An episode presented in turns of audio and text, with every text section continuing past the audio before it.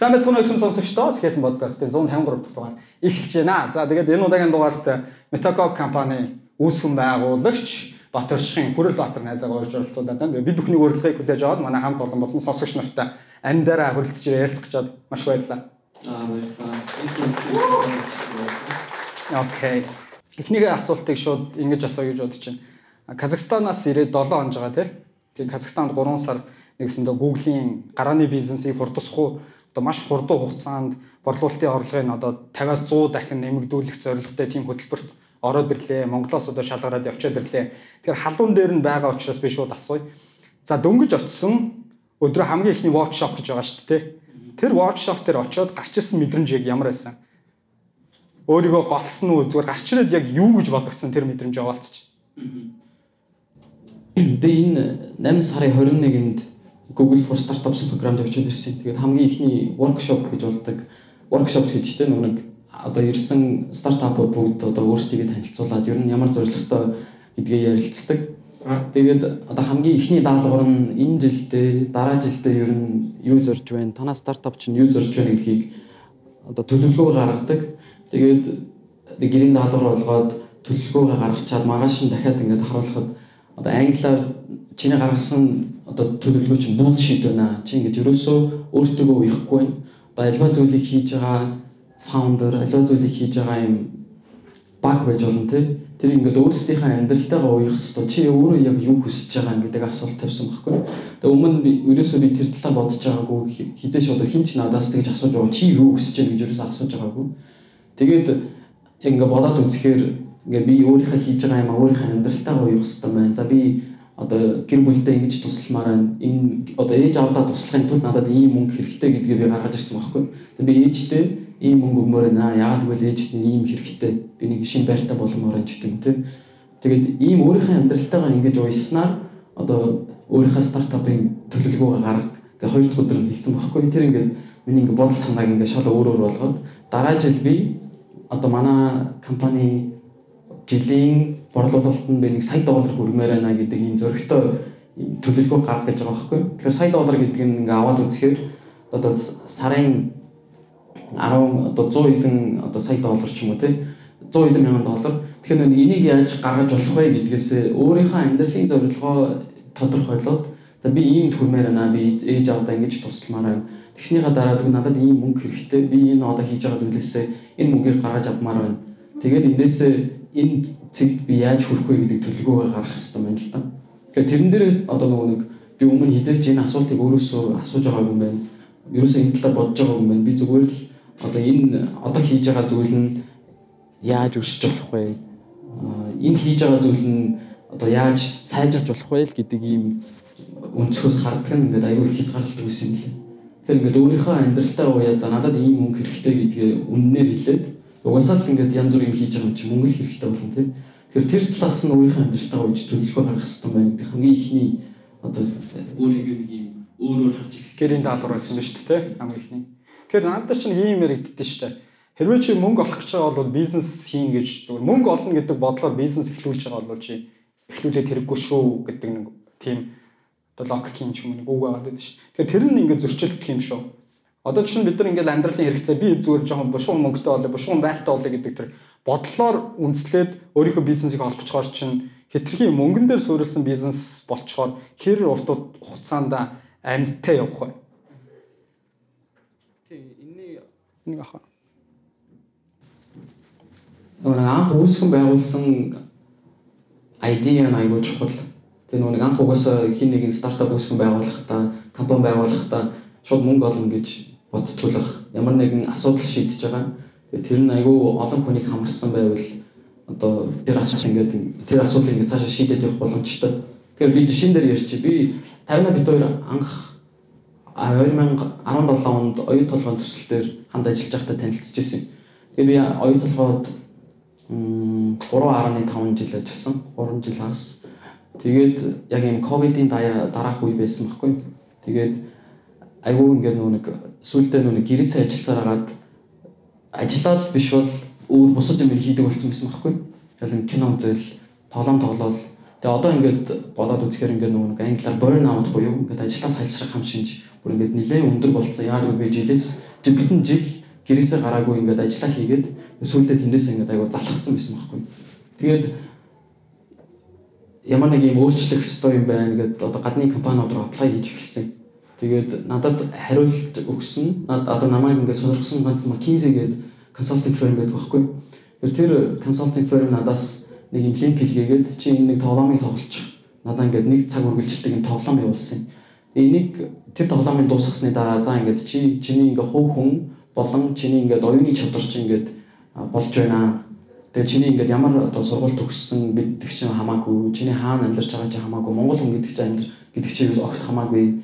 Зүгээр энийг ингээд чамайг ингээд оюуны сэтгэлгээний одоо суурин дээр чинь ингээд болж байна. Тэгээд ярьслага аваад тэр хүн одоо HR менежер тэгж хэлсэн байхгүй. Тэгмээд ингээд тэр experience надад ингээд айгуу тод үлдээд тэгээд ягаад бусад байгууллагууд ингэж болдгоо юм бэ гэсэн чинь зөвхөн McKinsey гэдэг компани ашигладаг юм програм Тэгэхээр энийг бусад компаниуд яагаад ингэж болдгоо юм бол хүнийг шууд нөгөө нэг диплом эсвэл нэг их сургуулийн брэнд эсвэл одоо юу гэдэг тийм одоо Монгол сурсан бол одоо улсын сургууль, хувийн сургууль гэж шууд ингэж ялгчдаг шүү дээ хараад тэр ийм зүйл байж болохгүй. Тэр хүн өөрийн гэсэн сэтгэлгээний онцлогтой байгаа. Өөрийн гэсэн ийм ур чадвартай байна. Өөрийн гэсэн одоо ийм personalityтай байна тийм. Тэр одоо сэтгэлгээ нь ямархуу ажилд ингээд илүүтэйгээр тохирох вэ гэдгийг ингээд шийдэж болох юм арга байна гэдгийг бол чарга. Тэгээд би ингээд ягаад энийг хийж болдго юм болоо гэж судалж эхэлж байгаа явсан байхгүй. Тэгэхээр энэ өөрөө м сургууль төгсөөгүй ч байсан яг одоо ингээд бодит амьдрал төр одоо гараад ирсэн байгаа нэг үзүүлэлт нь одоо Монголын зарим групп компаниуд сургууль төгсөөгүй ч байсан тэр хүний сэтгэлгээг нь харж агаад за энэ хүн миний ажлын байранд тохирох юм байна потенциалтай юм байна гэж хараад ажилд аваад эхэлчихсэн байхгүй. Тэгэхээр тэр 2 жилийн өмнө харж исэн тэр нэг санаа нь ингээд одоо ингээд хэрэгжчихсэн. Тэгэхээр би тэрийг анх бол ерөөсөн мөнгө гэж бодож хэрэгжүүлээгүй. Эхний жил нь би ерөөсөн мөнгө бодоогүй. Би жил ингээд жил гаруун цалингүй ажилладаг байсан шүү дээ. Чи мэдчихэж байгаа. Тэгээ тэрийг ингээд ерөөсөн мөнгө гэж анх эхлэегүй. Гэхдээ одоо нөгөө нэг дараачийн өсөлт нь юунд байх вэ гэдгийг өөрийнхөө амьдралтайгаа холбох хэрэгтэй байна гэдгийг л сая Google for Startups ойлгож байна. Тэгэхээр нэгсэндээ дунд хугацаанд дунд дунд хугацаанд бол саяны өөрийнхөө амьдралын асуудалтай саяны бизнес хийхээ зорилгыг мөнгөтэй холбогддог зүйл бол гарч ирэх нэгчтэй. Эхүү үед бол тэр мөнгөний талаар бол төдийлөн бодоод хэрэггүй гэсэн үг шүү дээ мөн. Тийм би би бол одоо ерөөсө бодоогүй л хэлсэн. Аа окей. А аливаа бизнесийг би нэг хэдэд юмнаас одоо уншижсэн л да. Аливаа бизнесийг эхлүүлэхийн тулд ер нь бол өөрийнхөө давуу талыг ихэнх хүмүүс бизнес болгодог байх гэж би боддог. Тэр ч утгаараа бусдаас илүү зүйлээрээ л хүн ер нь мөнгө олно шүү дээ ашиг. Тэгээ чиний хувьд өөрийнхөө ямар ур чадварыг одоо бизнес болгоод явж байна одоо эргээд харахад Тийм одоо энийг нөгөө нэг нөгөө нэг асуултуудын хариултыг хараад энийг би юутай холбосон бэ гэхээр миний нэг ихний карьерийн ихний хэдэн жил нөгөө том корпорациудтай айгу холбоотой байсан байхгүй. Тэгэхээр би ингээ корпорациудыг ажил нь яаж явдгийг мэддэг тэнд ингээд ямархуу одоо шат дараалтаагаар шийдвэр гаргах шийдвэр гаргадаг вэ гэдгийг мэддэг. Тийм учраас нөгөө хамгийн анхны бодол нь бол би ингээд B2B буюу business to business юм шийдэл гаргаж ирэх ёстой байна гэдэг хамгийн анх шийдэж байсан. Тэгэд энийг одоо яг одоогийн нөхцөл байдалтай ингээд уяад үзвэл одоо хэдүүлээ бодъё л та Монголд 3 сая хүн ам байна. 3 сая хүн амьдарч байна. А эндээс ямар нэг юм санаа байгаа бол За ингээ хүмүүст ингээ тусалж байгаа, ингээ хувь хүнд тусалж байгаа гэдэг одоо B2C буюу одоо яг customer чиглэсэн юм апууд шүү дээ. Монгол айгүй их ап байдаг. Тэрийг ингээ бодоод үзвэл Монголд хэрэг одоо Монголд хэрэгжих гээд явж байгаа хэрэгжиж байгаа апуудыг өөр нэг улсад ингээд хараад үзвэл аль үшээ байгаа гэдэгт би аюу итгэлтэй. Ягаад гэвэл тэнд яг адилхан сэтгэж явж байгаа юм залуучууд байгаа. Тэгэхээр зөвхөн 3 сая хүн амд ингээд зориулж нэг юм продукт хийгээд продукт гэдэг нь app юу гэж одоо вебээр ханддаг ч гэж болно те зүгээр нэг юм одоо B2C продукт хийгээд үзвэл дараа нь тэрийгэ бариад өөр тийшээ явангууд ингээд шууд гацсан. Аа тэрийг одоо нөгөө нэг нэг олж харсан юм нь за Монголд байгаа KFC ч юм уу те? Эсвэл одоо юу гэдэг юм? Coca-Cola гэдэг брэндүүд чинь KFC чинь Монголд ч KFC, Казахстанд ч KFC, Америкт ч яг ижилхэн ингээд одоо үйл ажиллагаагаар явж байгаа. Тэгэхээр магадгүй ингээд ямар нэгэн бизнесийн буюу B2B нэг юм асуудлыг шийдээд эсвэл ингээд тэд нарыг илүү бүтээмжтэй ажиллах тэр нэг юм шийдлийг гаргаад ирчвэл чи тэрийгээ шууд copy paste хийгээд Казахстанд авчиад эсвэл одоо South East Asia-д авчиад эсвэл Америкт авчиад өгөх боломжтой. Тэгэхээр би тэрийг олж харахад ер нь ингээд одоо анх ингээд хийж явахдаа би ингээд бизнесүүд яаж явдгийг ингээд тэнд ямар ингээд шат дараалтаар явдгийг мэдх юм байна гэж хийж исэн бол одоо хараад байхад аа ийм цөөхөн хүн амтай одоо Монгол шиг жишээ нь ингээд Израиль байгаа хгүй юу? Израиль одоо ингээд маш амжилттай явж байгаа ийм компаниудыг ийм стартапуудыг харахаар 10-ын нэг нь л B2C буюу customer зориулагдсан аппууд байгаа. Яагаад гэвэл Израиль өөрөө айгүй цөөхөн хүн амтай тэр цөөхөн амт зориулаад юм хийчихвэл тэрийг replicate хийж болохгүй байхгүй? Тэгэхээр нөгөө нэг ийм дижитал шийдлүүдийн нэг ийм онцлог нь чи ингээ нэг юм хийгээд тэрийг сая хүнд хүргэж болно. А зөвхөн Монголдо зориулаад хийчихвэл чи цаашаа гарч чадахгүй. Яагаад гэвэл тэр нэг санаа нь аль нэг газар хэрэгжчихсэн байгаа л ах гэж би одоо бодож байна. Тэгэхээр нэг өөрийн нэг олж авсан туршлагаасаа одоо харчихсан юм ингээ хараад үзвэл ойлгосон юм хараад үзвэл ингээд ямар боломж ойж болох вэ гэхээр ямар нэгэн бизнесүүдийн KFC-ийн тийм нэг юм асуудал нь ингээд энд явж байгаа энэ галтгоон дээр процесс нэг асуудлыг аягүй сайнаар шийдэж өгчвөл тэрийг ингээд бүх ин Аз даяараа ингээд хийж болохоор байхгүй. Тэр санааг олж хараад саяны нөгөө асуумжуудын ихний нөгөө хариултантай холбож ярих юм байна. Окей. Аа танай Metacog бизнесийн үнэлгээгээр зах зээлийн үнэлгээгээр одоо хэдтэй байгаа лээ? Та дүүрсэн нууц биш бол. Нэг тэрбум давсан. Тийм тэрбум давсан. Тэрбум давсан. 3 сая доллараар одоо хөрөнгө оруулах гэж байна. 3 сая доллар гэж үнэлгээ гэсэн. Бараг 8 тэрбум. Тийм шүү дээ. 10 11. 11 тэрбум болов. 11 тэрбумын үнэлгээтэй гэдэг чинь за хоёулаа бодъё. Жил хагасын дотор илүү дөнгөж эхэлжсэн санаа байхад тэгэхээр хугацаа нь хэдтэй хэлээ? Жил хагас. Жил хагасын дотор 11 тэрбумын үнэлгээтэй болгож чадж шүү дээ. Бид нар өөрсдөө ингэж үнэлж байгаа байхгүй. Өөрсдөө хөрөнгө оруулагч нар бол тэгж үнэлэхгүй л дээ.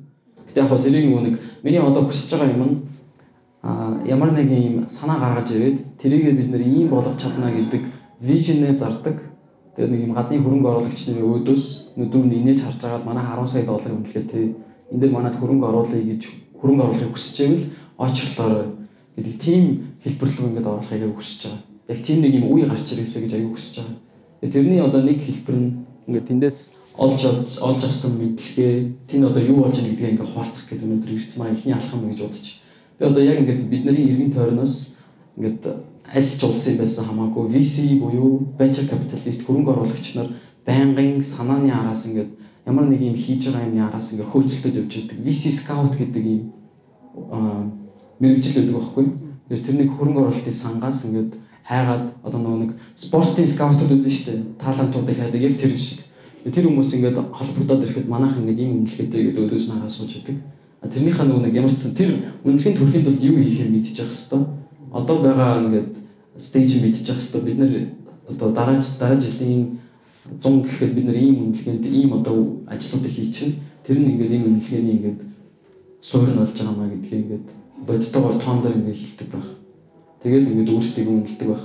Яагаад гэвэл за би яагаад ингэж ийм юм бодсноо сая хэлчихье. Бид сая Google for Startups 15 өөр одоо Төв Азиас гарч ирсэн юм стартапууд байгаа. Тэнд ингээд Казахстан, Кыргызстан, Узбекистан, Тажикистан, Гүрж гээд ер нь ингээд бид нартай адилхан ийм залуучууд байгаа байхгүй юу. Тэгээд нэг за нэг 19-оос нэг 25 насны залуучууд бид нар ингээд 8 сая долларын үнэлгээтэй стартап бай гэж зогсож байна. Тэгээд тэдний хийж байгаа зүйл нь айгүй гоёор ингээд юмыг ярьж чаддаг. Айгүй storytelling айгүй их гоё хийдэг. А яг ингээд технологиг ингээ харахаар ингээд одоо Монгол хийж байгаа стартапууд хамаагүй илүү байгаа тийм юмнууд байгаа. Тэнгүүт ингээд өөртөө ингээд ихтгэлтэйгээр яг ийм хийж байна би иймд хүрнэ гэдэг вижн л хамгийн сайн зарах хэрэгтэй. Би ийм хийчлээ надад хөрөнгө оруулалт биш. Би цаашаад ийм юм хийнэ. Тийм учраас надад мөнгө хэрэгтэй байна. Яагаад гэвэл одоо ингээд ийм юм хийчлээ тэрийг ингээд хөрөнгө оруулагч нар зарж байгаа гэсэн үг биш үү? Тэгэхээр бид нэр ирээдүйд ийм болно. Энэ ийм болохын тулд бид нарт энэ энэ энэ улсад гурван баг хэрэгтэй байна. Энэ гурван багийг ингээд явуулахад надад хөрөнгө оруулалт хэрэгтэй байна. Энэ гурван баг ажилласнараа манай компани ийм хэмжээнд хүрнэ гэдэг вижн айгуу сайн зарах хэрэгтэй. That's why 10 сая доллар гэж 3 сая доллар гэж үнэлж байгаа гэсэн юм шүү дээ. Окей. За вижн зарна гэдэг асуулт бодлыг чинь би лавшруулад асууя л да. За сая одоо ингээ 3 сар Google-ийн мэрэгчлэтнүүдтэй нэгсэндээ нэлээд нүдүүлж яагаад ирсэн гэсэн үг шүү дээ. тасралтгүй төр чинь маш хурдтай хөтөлбөр юм шиг өглөөнөөс ороо хүртэл явж байгаа. Тэгэхээр нөгөө elevator speech гэж байдаг тийм үү? Маш богино хугацаанд хөрөнгө оруулагчид өөрийнхөө санаагаа танилцуулах. За 1 минутад нь дотор ч юм уу. Тэгэхээр одоо чам тийм даалгавар одоо тухайн үед өгөгдсөн л ах. Тэгэхээр цаад хүмүүс чинь ямар арга хэрэгсэл зааж юм. За мэдээж вишнээ ойлгуулах юм байна нөгөө хөрөнгө оруулагчид. Гэхдээ нэг тийм түүл буюу арга хэрэгсэл байгаа да. Ер нь юун дээр үндэслэж 1 минутын дотор чи санаагаа тухайн хөрөнгө оруулагчид зарах бай.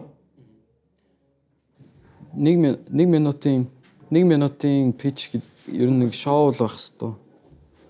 Нэг нэг нэг нэг бишээс олчихгүй. Зайрч. Тийм 1 минутын пич гэхлээр нэг нэг нэг нэг нэг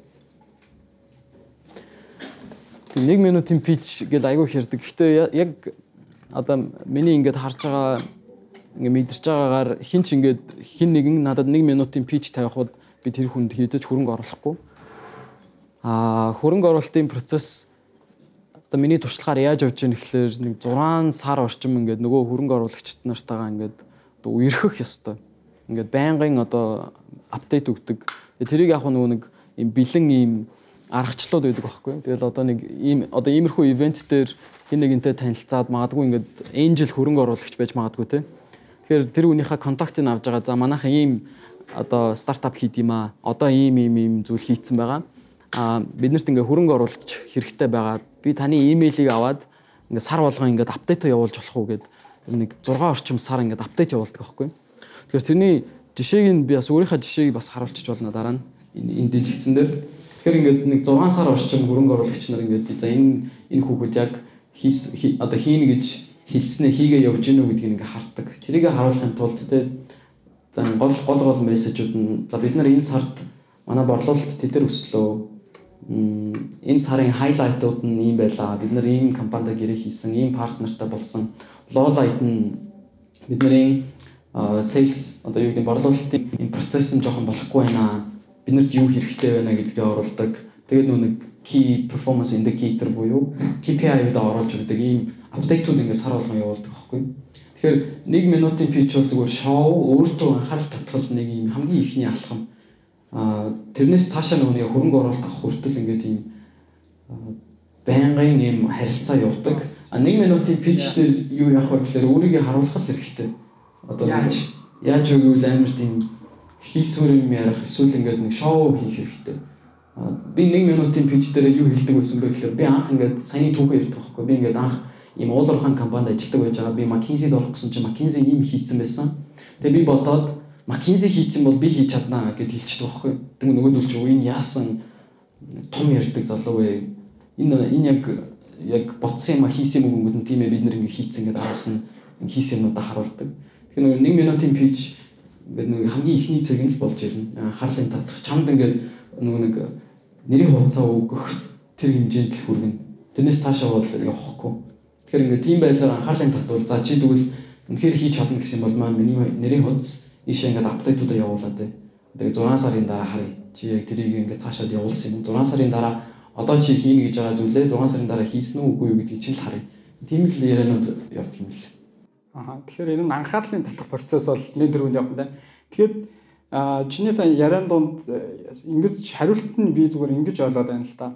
За McKinsey ингээд хийцэн байна. Тэр асуудлыг шийдсэн байна. Тэгээ би энийг хиймээр байна гэдэг. Тэгэхээр тухайн шийдэж байгаа асуудал чинь яагаад чамд чухал вэ гэдгийг тэр хугацаанд бас ойлгуулж чадчихна гэсэн үг мөн үү? Энэ асуудал яагаад надад чухал юм бэ гэдэг ойлголтыг өгөх нь биш. Тэгээд дээрэс нь тухайн хөрөнгө оруулагч яагаад та бас үүнд хөрөнгө оруулах ёстой вэ гэж тэр хүнд өгөх гэдэг шүү дээ тийм үү? Окей, одоо жишээ нь хамгийн сүүл чи хөрөнгө оруулалт танаас татсан компани дээр хамгийн сүүл MCS MCS MCS-д хэдэн хувийн өгсөн нууц биш бол хэлж болохгүй. Аа, окей. За MCS-д тэр дийл хийх процесс маш удаан хугацааны үргэлжилсэн процесс явсан баг. Ганц удаа суунгуудаа за манайх ийм бүтээгдэхүүн хийж байгаа. Танах тэдэн үе хэдэн үе гэж хуваа төхөж барахгүй шүү дээ. Тэгэхээр MCS-ийг яаж найрсан? За одоо зүгээр за бид нар нэг тэр удаагийн уулзалт дээр л би нэг тэгээд хэлсэн тэр нь тэрээ дээр найрагдсан байх шүү гэдэг тийм ихэл үнэмшил байсан уу? Эсвэл чи илүү өөрийнхөө технологи дээрээ манай технологи сайн учраас бидний хөгжүүлж байгаа програм сайн учраас тэдэд давсан юм аа. Миний спич бол нэг ажиллаагүй гэх үү аль нэг нь онцлог үл аль нь онцлох вэ? манай багийг багаа л ер нь аягүй сайн танилцуулсан баг. Бид нэр ийм хийж чаднаа. Яг тэгвэл анх ингээд уулзж хахад юу ч байхгүйсэн баггүй. Юу ч байхгүй, харуулах юм юу ч байхгүй. Тэгэл бид нэр ийм хийнэ. Манай одоо харж байгаа зүйл ийм байна. Манай баг ийм ийм ийм хүмүүс энэ энэ хүмүүс бол энийг хийж чаднаа гэдгээл сайн харуулах хэрэгтэй. Тэгэхээр одоо чинь танад ажиллаж байгаа шиг программист ч юм уу бусад баазрууд зөндөөл байгаа ш. Тэгэхээр танаа баг юугаар онцлог? Манай баг аа яг энэ төслийг аваад явах хүмүүсийг нөө хийсэн түүхүүдийг нэг ярьдаг. Би өөрийгөө ярина. Манай хоёр co-founder байгаа. Тэр co-founder-ууд нэгэн жишээлбэл сүүлийн нэг 5 жил ийм тоглоом хөгжүүлэлтэн дээр мэрэгшээд Америкийн App Store дээр өөрийнх нь тоглоом нь нэгт явж байгаа тийм амжилт гаргасан залуу байхгүй. Тэр амжилтыг нь ярина. Аа манай нөгөө co-founder Монголын одоо хийх том том системүүдийн архитектурыг гаргаж ирсэн CTO залуу байхгүй технологи. Тэгээ би өөрийгөө ярина. Би ингээд сүүлийн хэдэн жил оюун толгойд яг ийм AI төслүүдийг лид хийж авч явж ирсэн. Тэр туршлагаа ярина. Тэгээд ягаад одоо оюутлогоос гараад ийм хийх болсноо айгуу ярина. Тэгээ бид нэр ингээд цаашаа хаана хүрэх гэж байгаа вэ гэдгээс ярина. Тэгээд тэр тэрнийхээ араас ингээд баа баагаар явж байгаа апдейтүүд л өгөөд байна гэсэн. Тийм бол э, битэд одоо цоо шин залуучууд ч юм уу те ямар нэгэн байдлаар ажлын туршлага байхгүй ч өмнө хийсэн зүйл багтай хүмүүс гурван одоо төгс сургуулаа төгссөн ч юм залууч залуучууд нэг хүн дээр ороод бид нар ийм цоо шин санаа байна гэд тэгэхээсээ илүү хийсэн бүтээсэн зүйл эхлээд өөрсдийнхөө боломжоор ямар нэг юм хийчих гэж байгаа юм байна те хөрөнгө оруулагчтай давхиж очиод за бид нар та энэ гой санаа мөнгө өгчих гэх оронд өөрсдийнхөө мөнгөөр эхний ээлжинд нэг юм ийчих. А тэр нь өөрөө та хэдийн хувьд бол амжилт байсан. Тэ? Баг нь үзүүлэх юмтай туршлагатай хүмүүс байсан. Тийм. Тэгж ойлгож байна. Тэгээ хоёулаа нэгэнд окей нэмэх юм байвал яа. За би ийм юм хийх гээд байна гэж орж ирчээд нэг удаагийн уулзалтаар угаасаа хинч өөрийнхөө карманаас мөнгө өгөхгүй шүү дээ. Монголд ч гэсэн ингээд ийм хөрөнгө оруулагч нараа одоо айгүй их болж байгаа. Сая энэ жилийн 3 сард demo day буюу одоо стартапууд хийсэн юмнаа танилцуулахад нэг 100 орчим яг юм angel investor-ууд байгаа. Тэгэхээр тэр хүмүүсийг нөгөө нэг олоод мэдчихвэл яг үнэхээр санаа байгаа бол нэрийн утсыг очиж аваад өөрийгөө одоо мартагдахгүйгээр танилцуулаад нэрийн утсыг аваад тэгээ нэг 2 3 сар ингээд апдейт явуулаад үзье. Тэгвэл ингээд шал өөр яриа болно. Имэйлэр гэсэн үг. Тийм имэйлэр. Имэйлэр. Тийм имэйлэр. Тэгэл өөрөөс нь зөвшөөрөл авчихгүй би тань руу ингээд 3 сар апдейтаа ингээ явуулж болох уу? Эднийг угаасаа ингээ хийхээр шийдчихсэн. Тийм учраас ингээ дана 3 сар бид нарыг харчих. Ямар үр дүн гарах нь сар болго апдейт явуулъя. Тэгэл тэг 3 сарын дараа шал өөр яриа бол. Тэр 3 сар чи өмнөх ажиллаа хийж болно шүү дээ. Ажлын хажуугаар бид нар ажлын хажуугаар ингээ хийчлээ. Одоо ингээд би ингээ ажилласаа гараад бүтэн баг одоо цуглуулад энийг хиймээр байна. Бид нэр ингээд өдийг хүртэл ийм прогресс гаргачлаа. Ажилласаа гараад өөр юмд санаа зовхгүй хийгээд явал ингээд дэшээ буужиндах гэдэг гэдгээс харуулах хэрэгтэй байна. Тэгэхээр тийм янз бүрийн ивентэд очихын тулд а мэдээлэлтэй яаж явах мах вэ? Одоо энэ сууж байгаа залуучууд шууд өөрсөнд санаа барьж бодъё л да. Тэгээд тийм одоо хөрөнгө оруулагч нартай ойрхон танилцах тэр боломж хүн боломж шууд олдохгүй шүү дээ. Тэгэхээр тэхийн тулд нэг санаа өгөөч одоо ямар нэгэн пэйжийг дагах хэрэгтэй юм уу? Хаанахаас банк тогтмол мэдээлэл авч явах хэрэгтэй. Яаж тэр хүрээлэл рүү орох вэ? Зүгээр хийнт өгье гэвэл дөнгөж эхэлж байгаа хүмүүс. Одоо энд байна шүү дээ. Окей. Яа. Тэр одоо энэ ивэнтийн төгсгөлт хоорондоо танилцах нь шүү дээ. Тийм. Одоо надад бас нэлээд хэдэн тийм хөрөнгө оруулагч нарын зөвхөн Монгол гэхгүй хөрөнгө оруулагчны тийм контактууд байгаа. Тэгээд ингээд үнэхээр хэрэгтэй. Үнэхээр нөгөө нэг яг ийм ийм санаа байгаа. Энийг хэрэгжүүлмээр энэ хөрөнгө оруулалтын гэвэл тэрэн дээр туслахад бол айгүй бэлэн байна. Ягаад гэвэл миний ингээд хүсэж байгаа юм гадны хөрөнгө оруулагч нарын өөдөөс хараад манай 10 сая долларын стартап ба гэдэг тийм үе үе ингээд бий байгаа байхгүй юу? Тэр нь мэдээлэл аюул чухал. Сая нэг анзаарсан нь одоо Казах Казах Казах стартапууд фаундерууд их юм дөмсгөн байгуулагч нар хоорондоо энийг байнга шийдэлж идэх. За бид нар ийм хөрөнгө оруулагч нар ингээ харьцаа явж байгаа. За чи чиний хийж байгаа зүйл чи юу юм бэ? Үнэхээр гоё бол би чамайг холбоодог яа. Тэр юм ингээ би биенээсээ нуудаг байхгүй. Тэрэн л ингээ амар гоё гоё юм. Монгол нуугаад байна. Тий, тэрийг зарах штайг бол надад ийм байгаа.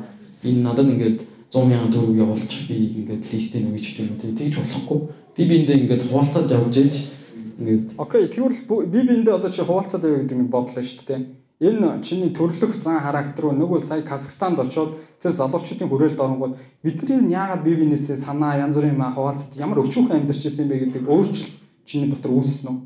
Энэ бодол хэзээ үүсч? Сая ер нь яваад яг энэ залуучууд Казахстан байгаа залуучууд яагаад ингэж амар гой гой юм хийгээд байна гэдэг ингээ анзаархад хоорондоо мэдээлэл аягүй тийм байнгын солилцдог бие биенийг хүнтэй танилцуулж өгдөг. Тэр нь амар үнцэнтэй байгаа. Тэрийг хараад за би ингээд одоо ингээд өөрт байгаа энэ network-оос хуваалцъя л да. Үнэхээр ингээд хэрэгтэй байгаа дараагийн алхам дараагийн шатанд гарахад хэрэгтэй байгаа хүмүүст ингээд туслая л да гэдэг тийм бодож ирсэн. Тэр ингээд их их ингээд networking ивентүүд юу одоо хамгийн үнцэнтэй байдаг нь юу вэ гэхээр над миний хувьд за би чамайг энэ хүнтэй танилцуулаад өгье гэдэг өгүүлбэр амар үнэтэй гэдэг баггүй үнцэнтэй. Тэгэхээр тэр хүртэл нь ингээд өөрийнхөө юм ингээд сайн танилцуулах хэрэгтэй. Хийж байгаа зүйлээ яагаад энэ чухал юм гэдгээ танилцуулах хэрэгтэй. Өөрийгөө мартагдахааргүйгээр танилцуулах хэрэгтэй. Окей, хоёул Викторийн яриа ерөнхийдөө нэг гурван хэсэгт явах бах. Тэгээд э, эхний хэсэг нь илүү нөгөө хөрөнгө оруулалт тал руу болчлоо. Тийм учраас би зөвхөн хөрөнгө оруулагчийнхаа ярианы сэдвийг илүү гүнзгийрүүлээд асууя. MCS-тэй та тодорхой хувиад зараад одоо хөрөнгө оруулагч буюу тусч нь MCS-с нэг төлөөлөл байна гэсэн үг шүү дээ нэг хүн. Тэгэхээр хөрөнгө оруулагч нарын нэг хамгийн хэцүү зүйл нь ийм байгаад байдаг шүү дээ. Би танай компани 50 60% эзэмшиж гэдэг. Эзэн нь болох гэдэг гэсэн үг тийм. Ингээд окей 50% эзэмшиж 60% эзэмшиж. Гэтэл хөрөнгө оруулагч хүний чинь гол зорилго нь бол оруулсан мөнгөө л өсгөх штэ. Гол тэр хүний үйл ажиллагаа нь бусдаар ямар нэг юм дээр хүний бизнес дээр очиод эзэн суух биш. Тэр MCS-тэй яаж дийлсэн? Тэр бол том компани. зөв шулуух хэлэхэд таад шууд өөр юм болгоод явахыг хүссэн баг Тэгэхээр таад бол 50-аас доош хувийг өгсөн үү? Тийм тийм. Манай minority буюу жижиг хувьцаа. Тэгэхээр та дээр том буюу шийдвэр гаргах төвчнийг нь хувьцаа нь бол таад халаасан твээр яваа. Том санал тавьсан уу? 50-аас дээш хувийг авъя гэдэг. Үгүй учаасан уу? Окей. За одоо тэгэхээр хөрөнгө оруулалтынхаа ярианы сэдвийг шууд цаашаа дуусгая. Тэгэхээр энэ дэр нэг юм хэлэхэд угаасаа тэр хөрөнгө оруулагч чинь өөрөө бас айгүй их эрсдэл хүлээж мэдхгүй хүн нэг мөнгө өгч байгаа тийм. Тэгэхээр нэг Монголд ягаад их их хувийг авах гэдэг вэ гэхээр ингээд ингээд энэ Монголдоо ингээд хязгаарлагдсан ийм продукт учраас жижигхэн бялууны томыг авъя л гэж бодсон шүү дээ.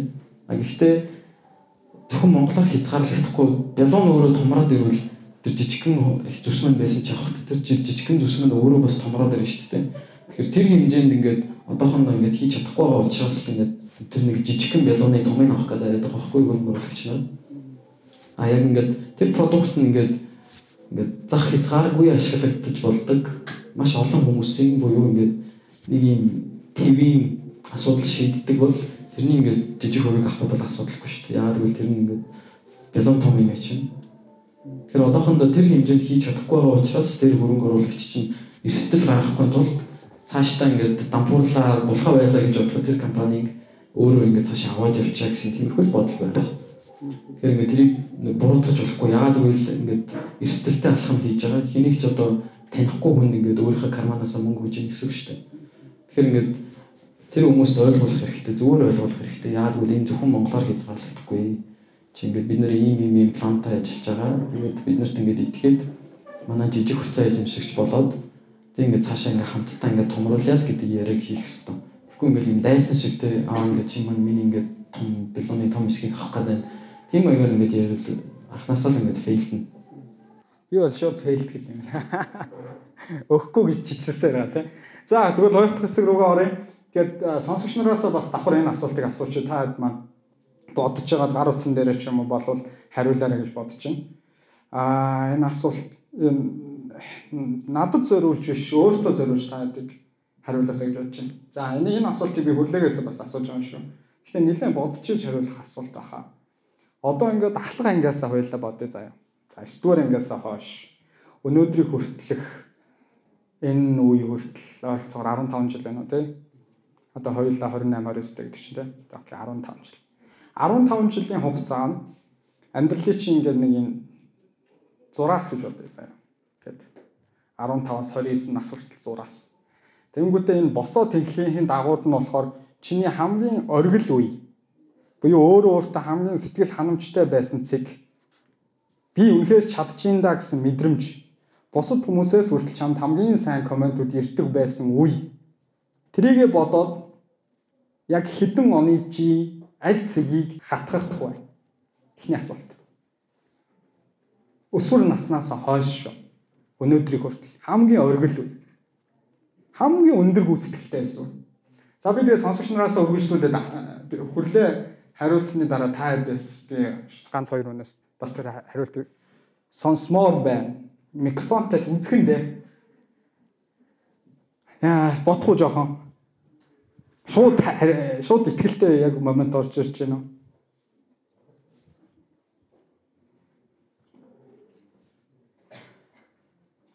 Хамгийн өргөл үе. Би л чадчихин амьдралдаа сэтгэл ханамжтай байсан үе, өөртөө итгэлтэй байсан үе. Алжин да гэдэг нэг бодол хүнд байдаг шүү дээ. Бүх юм бүх юм л болоод байгаа юм шиг санагдаж байсан үе. 8 сард юм уу энэ жилийн яагаад вэ гэвэл таны ярьдаг хөтөлбөрт тэнцсэний дараа тэр график нь унсан бохгүй 3 сарын хугацаанд ингээд чадахгүй байгаа юмудаа ингээд ойлгож авсан. Хөтөлбөрт явах юм ингээд чадчихин даа гэж боддог байсан. 8 сард бол тэгэхээр сэтгэл өөртөө ч амар сэтгэл ханамжтай байсан гэсэн үг. Одоо тэгээд Казахстан яваад ирсэн чи бүр унцсан юм шиг уг нь хэвээр байдалж байна. Ер нь доошоо сайн. Доошоо орсон. Окей. Гэтэ сайнаар гэсэн үг тий. Аа. Тэгвэл хоёулаа тэр 8 сар дээр чинь жоохон лавшруулаад асуух уу? 8 сар дээр чи яг одоогийнхоос юу нөөрсөн юм бэ? Бусдад чи юугаараа өөр харагдчихсэн болохоор магадгүй тухайн үед чамд дотор чинь юу цээж чи мэдрэгдэжсэн болохоор тухайн чи оргилъя гэж байна. Тухайн мэдрэмж рүүгээ хоёлаа буцъя да. 8 сард. Сая 3 сарын хугацаанд өөрийн нэг сэтгэл зүйн тийм блокуудаа айгүй их ойлгож эхэлсэн баггүй. Блок сэтгэл зүйн блок гэдэг нь аа намайг ингээд хоошин татдаг. Ингээд одоо өөр өөртөө итгэхгүй байлгадаг. Тэгээд буруу шийдвэр гаргахад ингээд ийм эмоцуд нөлөөлдөг шүү дээ. Тэр болгоныг сэтгэл зүйн блокууд гэдэг юм байна л да. Тэгээд саяны 3 сарын хугацаанд Google-ийн нэг tracker гэж нэрлэдэг ийм консалтантууд байхгүй одоо зөвлөх үйлчлэг үзүүлдэг тийм хувь хүмүүс тэр нартай ингээд яг өөрийн гаргаж байгаа бүх шийдвэрүүдээ ингээд ярилцаад явсан байхгүй за би ингээд нэг ийм хүмүүстэй харилцаж байгаа бид нартай ийм ийм ийм ярьсан гингүүд тэндээс нөгөө нэг болоогүй фейлдсэн тийм кейсүүдээ гаргаж ирнэ одоо бүтлгүүлсэн Тэгмээ тэрийг ингэж задлаад чи тэр үед яг юу гэж хэлсэн, яагаад тэгж хэлсэн гэдгийг задлж агаад хамтдаа ингээд тэр нэг юм блокуудаа гаргаж ирсэн байхгүй. Тэгээд яг би ингээд аа саяны 3 сарын хугацаанд өөрийгөө одоо бусдаас ингээд ийм үгүй гэдэг хариулт авч чаддгүй байсан юм лээ. Тэр ингээд ийм хүн надаа ингээд үгүйгээ хэлчихүү дээ. Тэрнээс ингээд санаа зовоол буулт хийгээл. Тиймэрхүү нөө нэг сэтгэл зүйн блокуудаа өөрөө аягүй сайн хүлээн зөвшөөрөөд Тэгээд тэрийг ингээд одоо тэрнээс хахацах юм дасгалууд хийсэн. Тэгэхээр одоо албаар одоо үгүй гэдэг хариулт авах тийм ингээд ярианууд өдөж эхлээд тэр ингээд айцсан ингээд давж гарч ирсэн байхгүй. Тэгэхээр яг одоо тэрийг амьдрал дээр буулгаад ярил яг энэ юу болсон юм бэ гэвэл би нөгөө нэг одоо өөрөө ингээд стартапынхаа борлуулалтыг ингээд хийгээ явж байгаа. Тэгээд ямар нэгэн компанитай уулзахдаа борлуулалт хийе явж байхдаа үгүйгээ хэлчихвэ дэ гэдгээс айгаад үнээ доош нь буулгадаг ч юм уу тийм. Тиймэрхүү юмудаас болоод ингээд том зурагаараа ингээд өөрөө ингээд компани алаад байсан байгаа байхгүй. Одоо нэг баг дүнгээр борлуулалт хийгээд тэгээд тэрийг одоо нэг сар орчим өөрөө ингэж анзаарч явж байгаад ийм дасгал хийсэн нь албаар ийм таван компани сонгож авч байгаад тэгээд маш өндөр дүн хилээд Тэгээд энэ дээр ингээд худалдаж авал авахгүй бол болоо гэд анханасаа үгүй гэдэг хариулт авахта бэлэн сэтгэл зүйтэй ингээд орсон чинь дараа нь ингээд ингээд баг багаар ингээд тэр блок ингээд тайлагдаж эхэлдэг юм лээ. Тэр нэг 8 сард иймэрхүү юмудаа ойлгохгүй тэгэл ингээд алчин даа гэж бодоод яваад байсан. Амар өндөр байсан бохоггүй тэр өөрийгөө чадчихна гэж бодоод а гэхдээ том зурглаараа тэр ингээд бизнесээ алж байгаа юм шийдвэрүүд аягүй гаргадаг байснаа сая анзаарсан одоо ийм сэтгэл зүйн олон блокууд байгаа. Бүгднийг ярих аюу их юм бол тэрний нэг нь одоо ийм нэг ийм айдас үгүй гэж үгүй гэдэг үг хариулт авахын тийм айдас Тэр үгүй гэдэг хариулт авахын тулд та одоо компанитай хэлцээр ихтэй хэрэгээс өндөр үнэ хэлсэн гэсэн үг. маш өндөр. Бараг энэ угаасаа л үгүй гэж хэлээсэй гэд өндөр үнэ хэлж гисэн үг шүү дээ. би багийнхантайгаа нэг яриаггүй. Тэгээд ер нь нэг нэг нууж агаад хийсэн. Тэгээ одоо сүүлд нь ярьсан л та тийм хийсэн. За тэгвэл 28 нас хүртэл хэн олон охид бүсгүүчүүдээс үгүй гэдгээр л тав. За стогс шүү. Манай хүрлэг найз гэж зоорчсан нэргээ хэлээ. За одоо тэгвэл дараагийн асуулт руу гаръя заяа. Саяны хамгийн оргил үед чинь 8 сар чи бусад хүмүүс юу гэж харагдаж байсан бол? Бусад хүмүүс юу гэж чи сонсогдож байсан бол? Яг тэр үедээ. Одоо эргээ бодвол саагж байсан үедээ хүмүүс хүндэлж байсан болов маш их алга тасч байсан болов энэ цагсуурчин да хүнээ байж дээ гэж бодсон уу? Нэг үл чи чи чимээгүй байсан уу? Бусдад чи нэг сонсогдохгүй байсан уу? Тэр нөгөө нэг хамгийн дээд оргил үе гэдэг дээр ингээд гадагшаа нэг юм цацдаггүй байсан. Гэхдээ өөрөө өөртөө л ингээд аяга болж чандаа гэдэг дүн тавьсан л одоо өндөр үегээд байгаа. Тэрнээс ингээд олон хүмүүст ингээд юм яриад саагж байсан бол биш. Бусад хүмүүст бол ямар чимээгүй гай байл гэсэн одоо мэдэгддэг байсан баг. Тэгэх юм бол чи хамгийн тэр өөртөө чадж байгаа гэдэг мэдрэмжийг нэг бусдад заавал өөрийгөө батлан харуулах тийм процессоос чи таашаал авдаг юм биш үү те? Биш биш.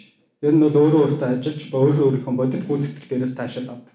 Яагаад би ингэж асуусан гэхээр тийм төрлийн хүмүүс маш олон байгаа учраас тэгж асуусан шүү. Ямар төрлийн? Бусдад заавал өөрийгөө баталж харуулж тэндээс алга ташаалт авсны дараа ийг төлөөлж чадчихна гэсний дараа а одоо л би ажиглалтай байгаа юм байна гэсэн мэдрэмж авдаг хүмүүс. Мэн магадгүй. Yes. Би зүгээр өөрийгөө тэр үед өөрөө өөрийгөө дүгнжсэн дүгнэлтийн хамгийн оргил үе 8 сард байсан байна гэдэг тийм талаас нь. Хамгийн тэгвэл доод цэгээ онцч хэлж. Наснаас саяны цэг. Хамгийн навшив хэдэн он бэ?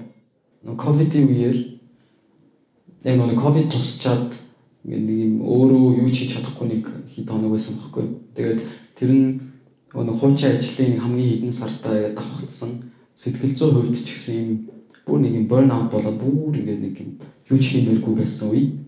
Тэгээд дээрэс нь ковид тусаад ганцаараа байсан бол бүр айгүй хэцүү байсан баг. Тэр үед манай найз охин хэд хоног ингээд орноос босч чадахгүй байхад ингээд хажууд байсан. Нэг тэр нэг үе хамгийн доод цэг юм байсан болов уу сая бодлоо. Өөрөө юу ч хийж чадахгүй тийм өөрийнхөө төлөө юу ч хийж чадахгүй ингээд орондоо өвтчихсэн. Ингээд ковидоор ингээд айгүй хүмүүс насраад ирсэн шүү дээ. Би бас айжсэн. Тэгээд ингээд тийм одоо хэмжээнд хүрчих үедээ. Тэгэхээр ингээд хажууд ингээд манай найз охин зүг зүгээр ангууд миний ингээд эрүүл мэнд ямар дархлаа ямар муу юм бэ. Тэгээд энэ ингээд бүр ингээд сэвэр айгүй тийм хэцүү үе рүү орох үедээ гэж айжсэн тийм Тэр үеийг буцаа санджлаа. Окей, за баярлалаа. За. За тэгээд төгсгөлт нь энэ ивент маань 27 хоногт нэг удаа явах юм аа. Тэгэхээр дараагийн ивентүүд маань их тийм гэхээр маш цөөхөн үнэтэй энэ 20 үнэтэй. Тэгээ манай Bay Coffee Shop дээр явна. Lotus гэдэг 5 дугаар сургуулийн урталтай би coffee shop дээр. Тэгээ яагаад цөөхөн үнэтэй яж байгаа юм гэхээр эхнийхээ ивентийг яг бид нар ингээ нэг том арга хэмжээ байдлаар хийчихэж байгаа. За тэгэнгүүт дараагийн ивентийг болвол 20 хүнтэй хийн. Тэгээ кофе шоп хийж байгаа болохоор бидэрт ингээ микрофон янз бүрийн юм хэрэггүй.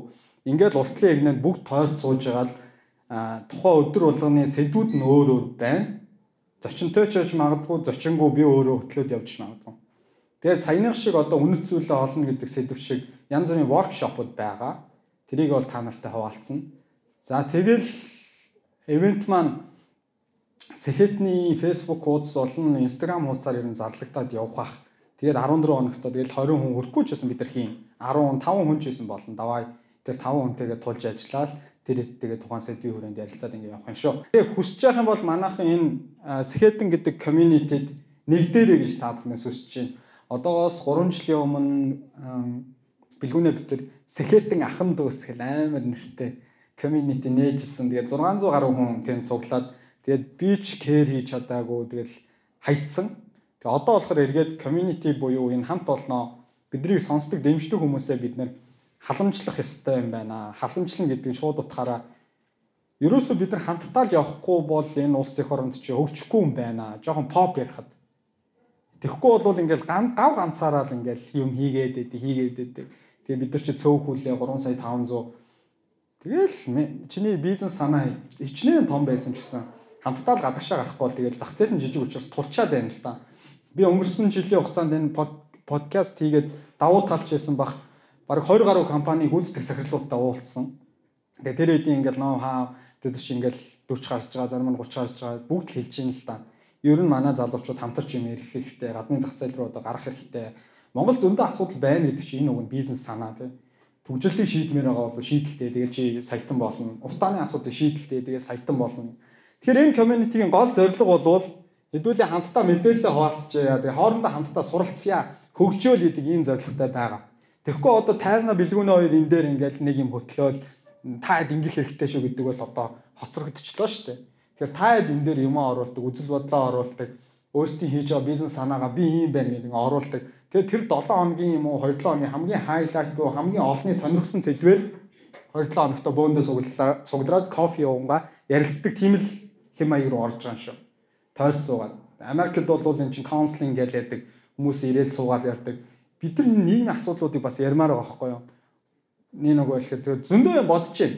Залуучууд өнөөдөр мансууруулах бодсонд орж байна. Бет буюу мөрөдө тоглоомонд донтцсон байна ямар ч хүнийг заяа хүн ганцаараа мансууруулах бодсноос юм гарахгүй байхгүй бетнаас яг үеийнхэн тэр 9 залуутай тойрч сууж байгаа зовлонгоо яриад хэд хэдэн удаагийн уулзтуудад гисний дараа өөрийгөө тэр юмнаас татаж гаргана ийм эмчилгээ бол олон улсад байдаг.